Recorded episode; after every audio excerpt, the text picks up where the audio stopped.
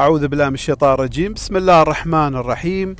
والصلاة والسلام على سيدنا محمد وعلى آله وصحبه وسلم.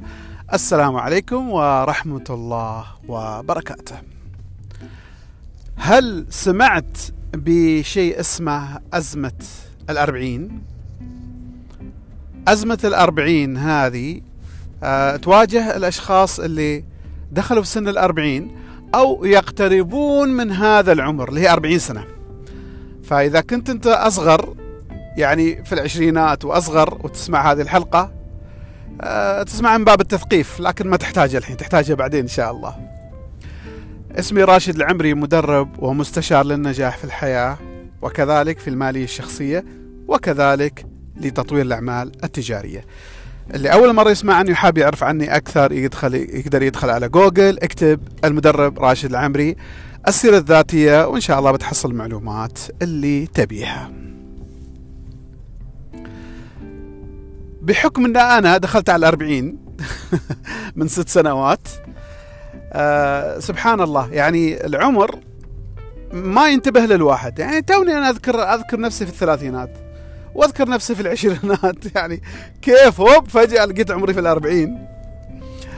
آه فيعني الحلو في هذه الحلقة أن أول شيء راح تكون إيجابية.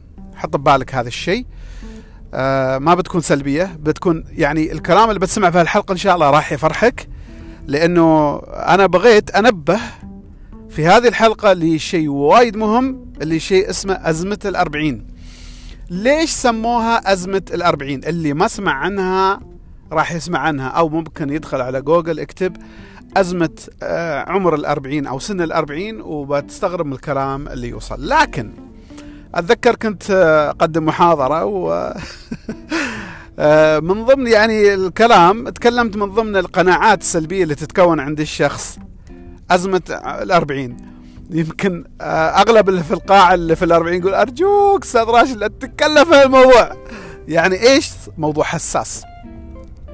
موضوع حساس وال يعني أغلب الناس يعني ما ودهم ابدا يتكلموا فيه وخايفين منه لأنه للأسف الشديد يعني تم تداوله بطريقة خاطئة وتخوف لأنه اسمها أزمة. زين ليش سموها أزمة؟ إحنا ممكن نفهمها من جانبين. ممكن نفهمها من الجانب السلبي إن هي أزمة. يعني أي واحد يدخل في عمر الأربعين هو في حالة أزمة. أزمة ويش مالية. أكيد أزمة صحية ولها دخل في الشكل وإلى آخره. يعني اللي يدخل عمر الأربعين هو دخل في أزمة في ذاك العمر. هذا الجانب السلبي لتفسير المسمى بس المسمى ما أتكلم عن الحقيقة أتكلم عن المسمى اللي هي أزمة الأربعين. إذا رحنا للجانب الإيجابي أو خلينا نقول الجانب التوعوي أو التثقيفي اللي هي يعني بنتكلم فيها حلقة اليوم أن أزمة الأربعين ممكن تكون هي أزمة فكرية عاطفية. يعني الشخص اللي يدخل عمر الأربعين في أشياء تخليه يفكر ويشعر بطريقة تجعله يعيش أزمة نفسية. وأنا يعني ما أظن أن هذا هو يعني المعني من هذا المسمى. ولكن إذا حبينا نفسر هذه الجملة باتزان هذا الجانب الإيجابي وذاك الجانب السلبي اللي أنا شرحته. ولكن أنا أقول أن الأغلبية القصوى اللي هم الناس اللي ثقافتهم عادية اللي أتكلم عن الثقافة الطبية والصحية بياخذوا من الجانب السلبي أنه هي أزمة. طيب ليش أنا أبغى أتكلم في حلقة اليوم؟ لأني أنا مريت بهذه الأحداث حالي من حال أي شخص دخل الأربعين. ولكن يعني أشكر الله سبحانه وتعالى لأن أنا شوية مطلع وعندي آفاق ومن النوع اللي أتفكر في المواضيع وشوي عنادي. يعني ما أستسلم ما من النوع اللي أستسلم مثل الثانيين أو مثل مو بكلهم مثل بعض الناس اللي يعني خلاص أنا دخلت في هذه الأزمة خلاص أنا أعيش وياها. لا أنا فيني عناد أقول لا في شيء غلط في شيء غلط في المسألة. ليش؟ رحت فحصنا قالوا عندك فحص بعد الأربعين. كنت خايف على قلبي خالف خايف ما أدري إيش لأني كنت أحس بتعب وقلبي يدق بقوة وما أدري إيش لما أتحرك ونفسي ينقطع وهذا. رحنا عملنا هذا الفحص الأربعين اللي هي فحص أغلب الأعضاء في الجسم. لما يعني جيت وشفت النتيجة قالوا الحمد لله كل أعضائك زينة عندك أنت شيء واحد. وش هو؟ قالوا الكوليسترول. الكوليسترول عندك مرتفع في الدم. زين أنا من قبل لا أعمل هذا الفحص اكتشفت أن عندي ارتفاع في الضغط. ارتفاع في الضغط والكوليسترول هم مش أمراض للي يبي يفهم. هي أعراض لخلل معين موجود في الجسم. يعني بسبة خلل معين في الجسم يصير عندك ارتفاع ضغط الدم. أو خلل معين في الجسم يصير عندك ارتفاع في نسبة الكوليسترول وهذه الكوليسترول والضغط خطيرين جدا إذا أنت ما عملتهم تحت التصرف. والحمد لله رب العالمين بمساعدة الأطباء الكوليسترول عندي أنا ثابت يعني تحت التحكم وكذلك الضغط تحت التحكم. ما ما مسبب خطر ابدا على أي أعضاء من جسمي علشان ما تستوي عندي مشاكل صحية ثانية أمراض ثانية. ولكن مو معناته أنا قاعد مرتاح. لابد أن أحل السبب واللي هي في وضعي أنا 80% آه، زيادة الوزن لأن أنا عندي زيادة وزن يمكن 25 30 كيلو.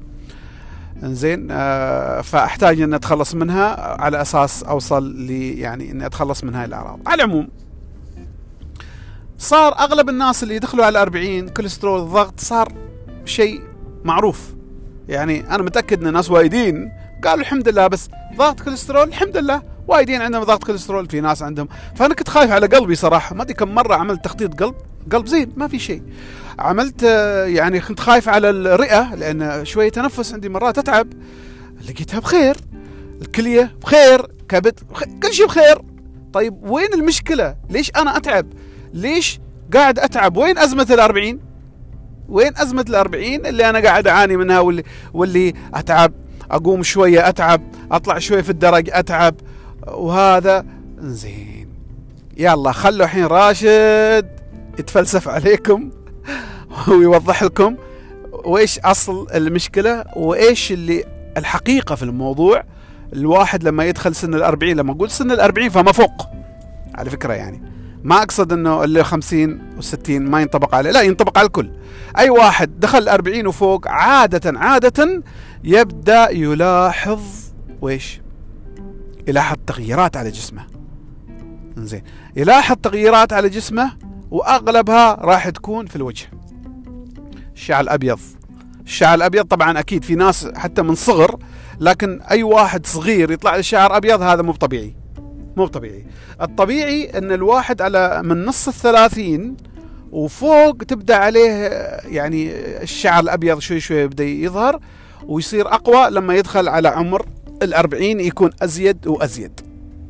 إنزين. فمن ضمن الأشياء اللي تظهر لنا إحنا الشعر الأبيض بعض التجاعيد المهم لما أنظر إلى المرآة أو أنظر لجسمي بشكل عام أحس في أو ألاحظ في أشياء متغيرة غير عن أول. نبرة الصوت والحركة. بحس أن حركتي شوي أبطأ. تفاعلي أبطأ. ما ودي أتحرك وايد. ما شوية الركب عندي المفاصل ردة فعل. زين الآن وين الخلل اللي يصير؟ الخلل اللي يصير أنه الواحد لما ينتبه لشيء اسمه عمر الأربعين زين هو في العادة هذا الشخص تعود على حركة معينة. حركة معينة اللي هي الروتين اليومي. فالواحد لما يدخل على عمر الأربعين المزاج حقه المزاج اللي هو العاطفة مع الفكر آه ما مزاج يتحرك وايد. مزاج يعني يدخل على الهدوء آه يبتعد عن الفوضى والربشة وهذيك الحركة فبسبة أن المزاج يتغير عند هذا الشخص اللي في عمر الأربعين وفوق صار عنده قلة حركة. ليش صار عنده قلة حركة؟ لأن مزاجه ما مزاج واحد يتحرك ويسوي ربشة وهذه الأمور. فلانه صار عنده قلة حركة صار عنده ويش؟ أنت أنت كبشر إيش القوة عندك أنت؟ عندك القوة في العضلات عندك القوة في الأعصاب وعندك قوة في المفاصل. هذه ممكن تزيد ممكن تنقص بناء على حركتك. طيب ويش المشكلة؟ إيش المشكلة اللي تصير؟ يخلي تخلي الواحد يتأثر جسديا من العمر. خلونا نرجع لأصل الموضوع. ليش الواحد مننا يكبر في العمر ويتعب أكثر كل ما كل ما قرب؟ يعني 50 60 70 80 90 صار إنه يعني جسمه ضعيف. ليش؟ الأساس إنه سبحان الله هذه معلومة طبية للي حاب يعرفها. إن الخلايا عادة تتجدد كل فترة. كل خ... كل نوع من أنواع الخلايا تتجدد في بعض الخلايا تأخذ أسبوع يعني كل أسبوع تتغير يتي خلايا ثانية. إحنا ما ننتبه لهذا الشيء. تموت خلايا خلايا ثانية يعني تتشكل. وفي بعض الخلايا يوميا تموت يوميا تتشكل بدالها.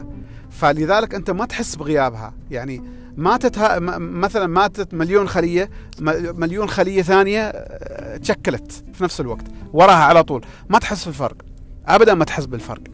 فيعني آه، يعني مع العمر عملية تجديد الخلايا تضعف. ليش؟ هذه حكمة الله. هذه حكمة الله فينا. إن الله سبحانه وتعالى بس خلاص كاتب لنا إن إحنا هذه يعني يعني خلينا نقول دورة الحياة اللي الله كاتبنها لنا كبشر.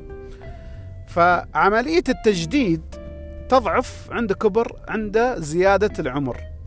ليش؟ يمكن الأسباب اللي تعمل التجديد هي اللي تضعف. ليش؟ صراحة يمكن نحتاج إحنا نتعلم أكثر من الأطباء. أنا ما بحثت بزيادة.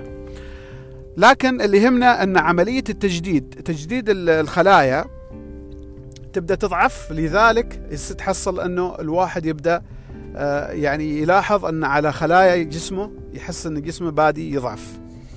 زين واضح هذا الشيء واضح. آه، اللي أول مرة يسمع عن هالمعلومة تقدر تدخل النت وتتثقف أو تقدر تتناقش مع حد اختصاصي في الطب راح تفهم هذه العملية. زين الآن هل أنا في عمر الأربعين وصلت لمرحلة إن جسمي ما يتجدد لدرجة إن أنا أكون ثقيل وإن أنا أكون تبدأ تضرب فيني أمراض؟ في الحقيقة لا. أغلبية الأغلبية القصوى اللي اللي تحصلهم يضرب فيهم الأمراض بقوة أو يتعبوا بسرعة آه اللي هو المفروض 65 70 وانت طالع لين لما شاء الله كاتب لك من العمر. يعني انه اللي في الأربعين والخمسين والستين إذا كان هو محافظ على صحته المفروض أنه يكون يعني حركته حركة عادية. حركة عادية. لما أي أوقف أنا حين عمري 46 لما كنت أتمرن في الكاراتيه جنبي أطفال. يتمرنوا وجنبي يعني بنفس الحزام ترى المشكلة إحنا نفس الحزام. زين؟ آه وفي اللي هم في يعني في سن المراهقة وفي ناس في العشرينات. زين. الآن ليش الطفل يتحرك أحسن عني؟ لأنه خفيف. لأنه أعضاء لينة. ليش اعضاءه لينة؟ لأنه هو الطفل ما زال يقفز ويركض وهذا ويطيح ما يخاف. فإحنا لا. على عمرنا نجلس بهدوء نتحرك بهدوء نوقف بهدوء نشيل أشياء بهدوء خايفين على جسمنا هذا الخوف عمل ويش إيش سوى في الجسم هذا الخوف الله يسلمك عمل في الجسم إنه تعود على هذه الحركة.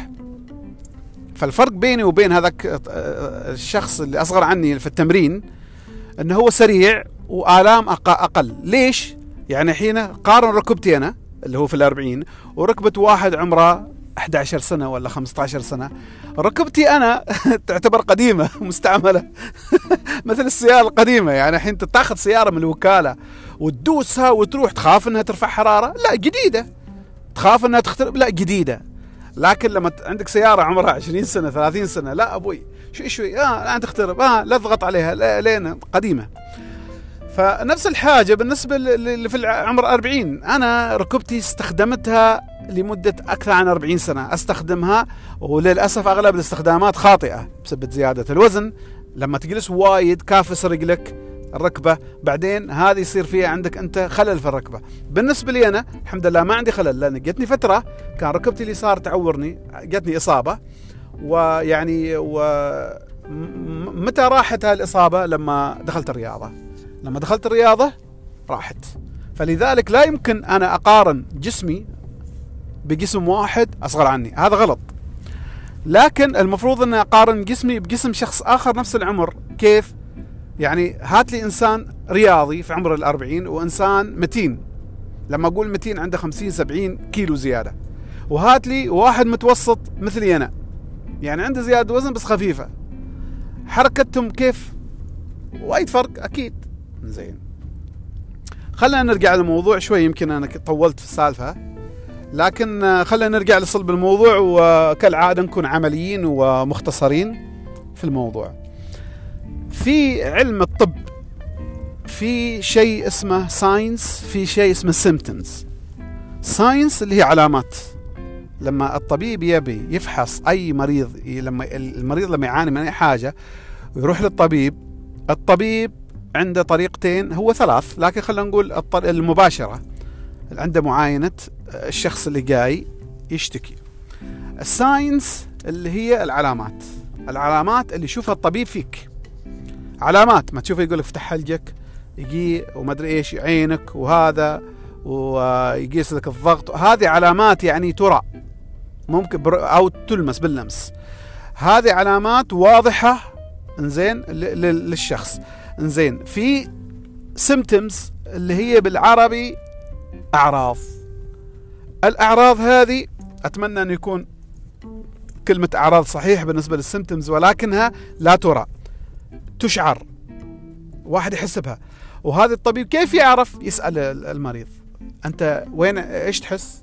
وإيش لما كذا إيش تحس؟ تقول تقول لا أنا يعني على وصف المريض. المريض لما يوصف لك يقول لك أنا كذا يعوني كذا لما أقوم كذا أحس بصداع. يعني صداع أنا حين كيف بعرف إنه هو عنده صداع؟ هو بيخبرني.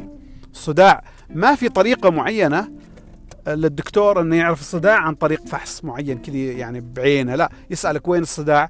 يقول هني يقول لك هني يقول لك هني. بعض الأحيان الصداع يبين كان يعني حمرة في العين أو شيء كذا لكن نرجع لل signs and symptoms العلامات الشيء المرئي. والأعراض الشيء اللي تشعر به. حلو؟ هذا من مصطلحات طبية. زي إيش نستفيد منه في موضوعنا اليوم؟ هو هذه الخدعة اللي إحنا ننخدع فيها وللأسف الشديد تضرنا بشكل كبير. لما إحنا نكبر في العمر في علامات راح تظهر. هذه العلامات طبيعية سنة من سنة الحياة. علامات الكبر يعني مثلا في تقاعيد معينة راح تظهر في أشك... يعني الشعر الأبيض راح يظهر. فيعني في علامات معينة في جسم الإنسان من الطبيعي إن نشوفها فيه من الطبيعي. لما تشوف صورة لما كان عمره 20 سنة وعمره 40 45 في فرق. هذا الفرق زين هذا الفرق هو علامات. ففي علامات معينة تقول لنا إحنا كبرنا في العمر. زين هذه تقريبا. صعب إنك تشيلها. إلا إنك تصبغ شعرك وتسوي لك كريمات خاصة للوجه وتحافظ على بشرتك بزيادة. إي لكن بعدها. مهما كان أنا شفت ناس أغنياء أغنياء أغنياء لما يدخلوا على الخمسين والستين والسبعين والله لو إيش يسووا عمليات وهذا بعد العمر يبين فيهم. هذا طبيعي. ما مفروض إن نحاربه. المفروض نحن نتقبله وهذا خلاص هذا يعني لكن على الأقل يعني ممكن أنا أكون يعني أهتم في أشياء ثانية بنتكلم فيها في نهاية الحلقة. زين هذه العلامات. وإيش هي الأعراض أو اللي إحنا نحسها لما ندخل على الأربعين؟ عادة عقلنا بيربط أن أنا لما أقوم أحس بثقل في جسمي. أحس أن في آلام في المفاصل خفيفة لما أروح أفحص الطبيب يقول ما فيك شيء. يعني ما روماتيزم لا سمح الله هذاك مرض. لكن أتكلم عن الأشياء الاعتيادية. أحس عمري أثقل أحس عمري مالي مزاج إني أتحرك. زين اللي انخدع اللي إحنا ننخدع به تصير عندنا برمجة لا إرادية داخل عقلنا. لما إحنا نشوف العلامات في تكبر العمر خاصة في سن الأربعين نبدأ نقول لنفسنا يا الله أنا كبرت. شوف أنا شوف شكلي وجهي وما أدري إيش وهذا وخاصة إذا في ناس من زمان ما شافوك وشافوك. أوه أنت تعرف كم واحد؟ أنا شعري أنا بالنسبة لي أنا الشعر خاصة من الجوانب شعر وايد أبيض من أكثر عن عشر سنوات. يعني من صغري أنا عندي شعر أبيض لكن أي واحد يشوفني من زمان أوه شيبت إيش هذا شعر أبيض؟ تعرف هذا الكلام؟ كلام يعني أنا ما ما نقدر نعتبره سلبي لكن ممكن إحنا نأخذه كحاجة سلبية. فيقول أوه شيبت أوه كبرت أوه ما أدري إيش شو كيف شكلك؟ إيش كذا صاير؟ فشوف هذا الكلام اللي تسمعه من الناس يبرمج عقلنا إن خلاص إحنا كبرنا وإن إحنا خلاص شيبنا. وإحنا رابطين فكرة الشيب والكبر في العمر بإيش؟ بالعجز. الإنسان العاجز لما يقول لك هذا عجوز العجز اللي هو عدم القدرة. العجز عدم القدرة. فالعجز ما مربوط بعمر. في ناس في التسعينات ما ما عجايز ما عندهم عجز إنهم يقوموا. وفي في في أنا شفت واحد في التسعين يشتغل في المطعم حقه. يشتغل ويطبخ وهذا وكذا. هل هذا عاجز؟ من العاجز اليوم اللي في في ناس يركضوا والله عمرهم 90 سنة يركضوا قدامنا. أنا ما أقدر أركض مثلهم. هل هذا إنسان عاجز؟ فالعجوز الإنسان اللي عنده عجز ما يقدر يقوم يعيش حياة صحيحة. هذا الإنسان العاجز. فإحنا نقول عجزنا وهذا. فشوف هذا الكلام اللي نسمعه من الآخرين واللي إحنا نسمع نفسنا بيننا وبين ذاتنا خاصة بيننا وبين ها كيف كيف يا الله شيبنا يا الله يا أخي والله خلاص كبرنا ما. شوف هذا الكلام والله هذا الكلام خطير جدا جدا جدا. من ضمن أسباب برمجة عقل الإنسان إنه عجز. إذا أقنعت نفسك إنك أنت صرت كبير في العمر هذا راح إيش؟ يخليك تتحرك وتتصرف مثلهم. تتحرك وهذا مثل الكبار اللي هم في التسعينات والثمانينات. لا فبتحصل عمرك أنت لا اراديا بسبة هاي البرمجيات يصير عندك تفاعل في جسمك.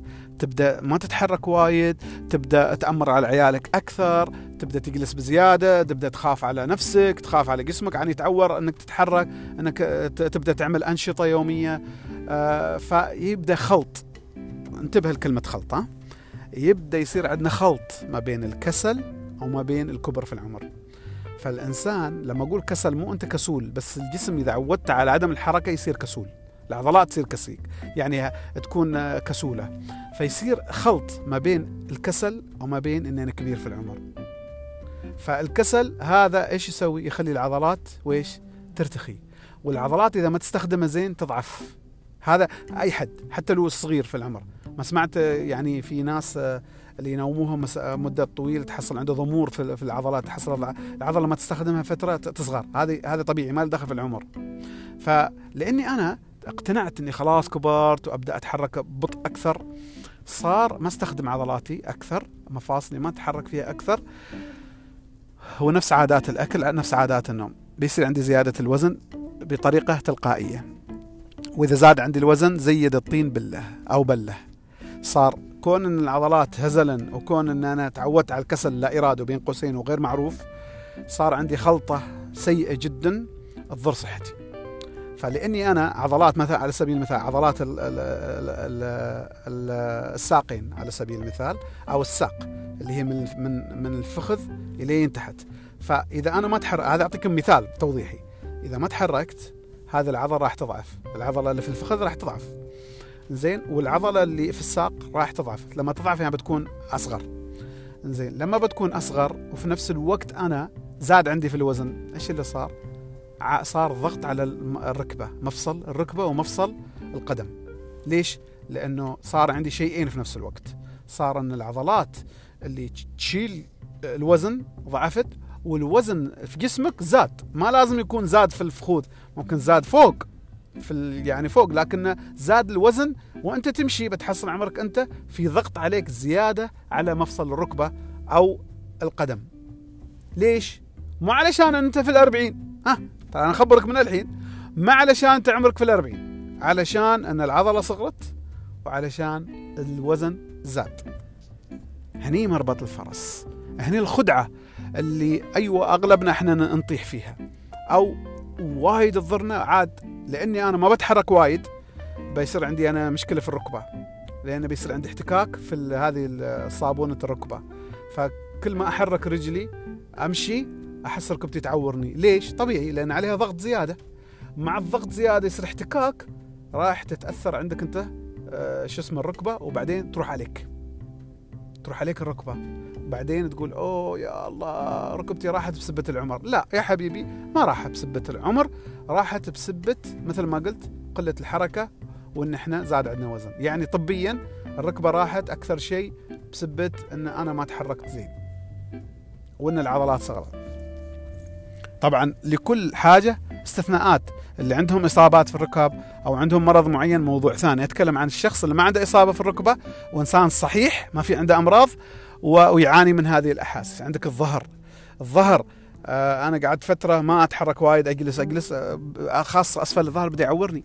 أوه أنا بقول أوه والله هذه الحين خلاص بديت أعجز شيبت ظهري يعورني ما أدري. لا يا حبيبي ظهرك يعورك بسبب قلة الحركة. وإن العضلات شوف العمود الفقري الله سبحانه خلقه خلقنا إن على اليمين فيه صفة عضلات وعلى اليسار صفة عضلات على طول العمود الفقري.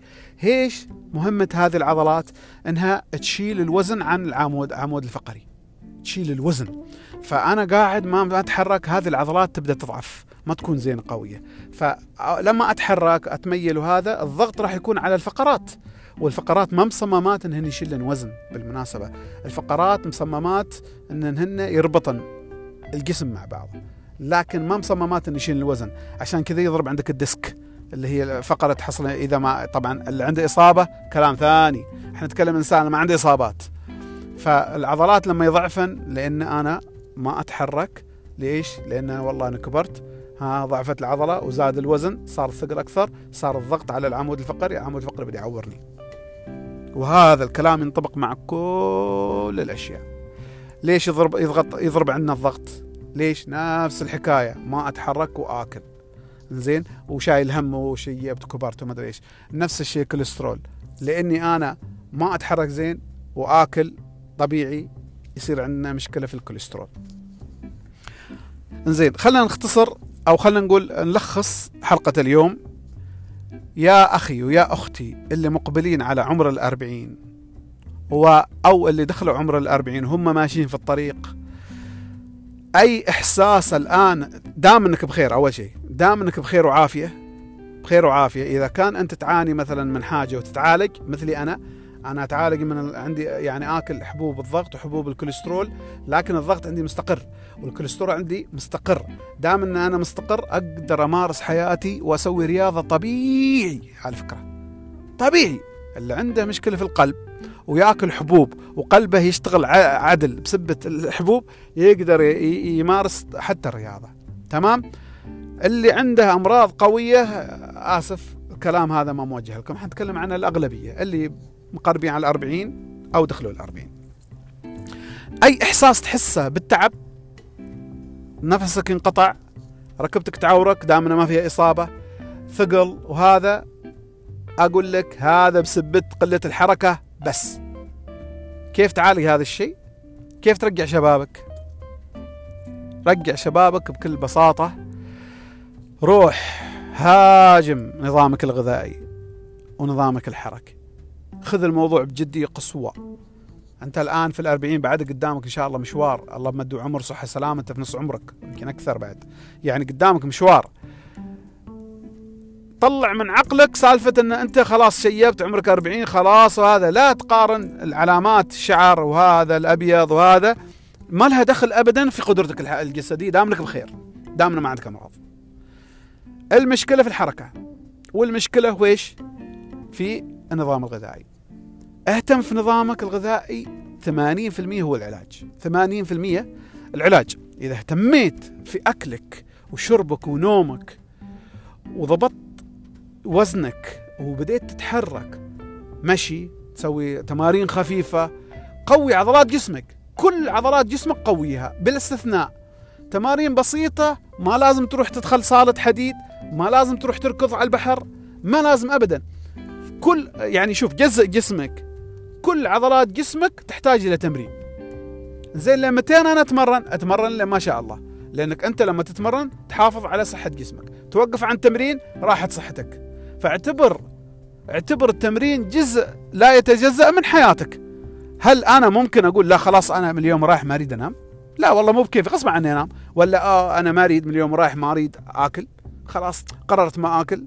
لا في أشياء أساسية إنك تعيش. إذا وقفت راح تموت. ها آه قررت إني ما أتنفس؟ لا. لكن أنت إذا حطيت الرياضة من ضمن الأشياء الأساسية علشان تعيش صح وأعطيتها أهمية وجدية قصوى رايح تكون جزء من حياتك. ما إحنا جزء من حياتنا ان نشتغل صح؟ نروح العمل. جزء من حياتنا إن إحنا مع أهلنا. جزء من حياتنا نصلي. جزء من حياتنا ناكل. جزء من حياتنا نضحك نشوف أشياء. ليش ما يكون جزء من حياتنا الرياضة؟ ليه؟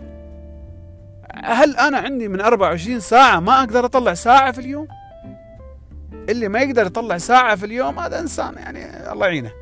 ما بلهالدرجه مشغول لا في تجارتك ولا في شغلك ولا في عائلتك حتى كأنت كربة منزل تقول والله أنا ما عندي فرصة ما عندي ما أقدر لا هذا الكلام واهي ساعة والله أن الواحد يقدر يطلعها علشان يحافظ على صحته ويسترجع قوته. إن ضبطت غذائك وأكلك صحي بعيد عن هاي الخرابيط اللي تضر الجسم وبديت تمرن عضلات جسمك إن شاء الله أنا أضمن لك خلال سنة واحدة بس. سنة واحدة استمر استمرار جاد. بتتفاجأ أن حيويتك راح ترجع كأنك في العشرينات. خلي شكلك خلي خلي العلامات اللي تشوفها في جسمك في وجهك وهذا لا. تخلص من الوزن الزائد كامل وسوي لك نظام رياضة. بإذن الله أنا أضمن لك أن حيوية أنا أقول حيوية. جلستك مشيتك ضحكتك آه، حركتك مع الناس اللي حولك في العمل تجلس توقف تروح تتحرك. راح تكون كأنك في العشرينات. أتحداك. أتحدى أتحدى. أي واحد يسوي هذا الشيء ويقول لي راشد أنت ما تفهم. لأني أنا نفسي مجرب.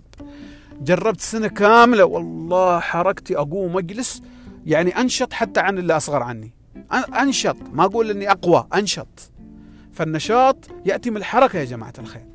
تمام؟ وضحت لا تنخدع من أزمة عمر الأربعين. شكرا كثير على الاستماع. ونلتقي في حلقة قادمة. ومع السلامة.